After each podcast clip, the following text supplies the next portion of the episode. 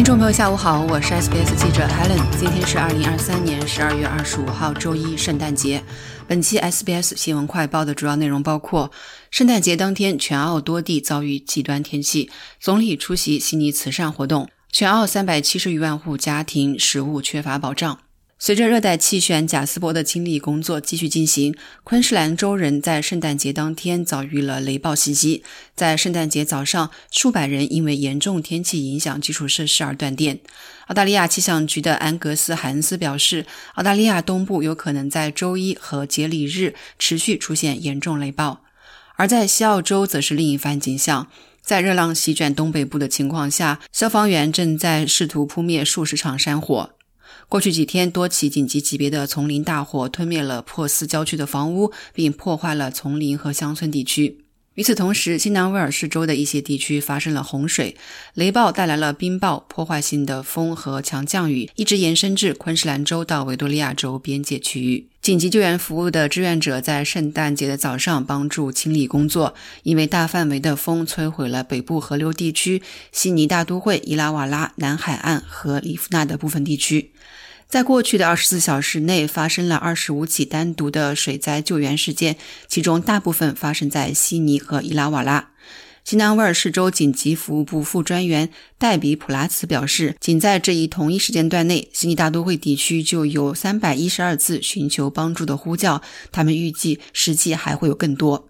总理阿尔巴尼斯在悉尼西部的 Exodus Foundation 为无家可归者提供午餐。新南威尔士州州长科明斯也加入其中。总理承认，虽然这是一个节日，但对很多澳大利亚人来说，也是一个非常困难的时期。他提到了生活成本危机和乌克兰战争，且伴随着东海岸正面临的洪水和恶劣天气，他也向所有在外旅行的人发出提醒和警告。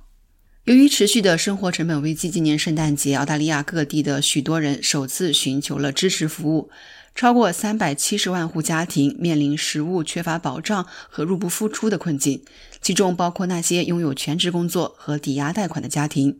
与去年同期相比，慈善机构发现使用其服务的人数大幅增加。比如，食品提供机构 Oz Harvest 报告称，寻求服务的数量较去年增加了百分之二十。与此同时，生命热线提醒那些可能在假期期间苦苦挣扎的澳大利亚人，压力和孤立感很常见，而压力和期望的增加往往会令情绪加剧。该慈善机构表示，尽管人们对节日的描述总是充满欢乐和愉悦，但诸如增加的财务压力、加剧的家庭紧张关系和加剧的孤独感等因素，往往会为人们带来复杂而困难的情绪。生命热线的克里斯·希尔洛克斯表示，现在有些人在这个时候感到焦虑和孤独是正常的。生命热线还发布了一份假期指南，为人们提供管理压力和心理健康的建议，因为这对许多人来说可能是一个困难的时期。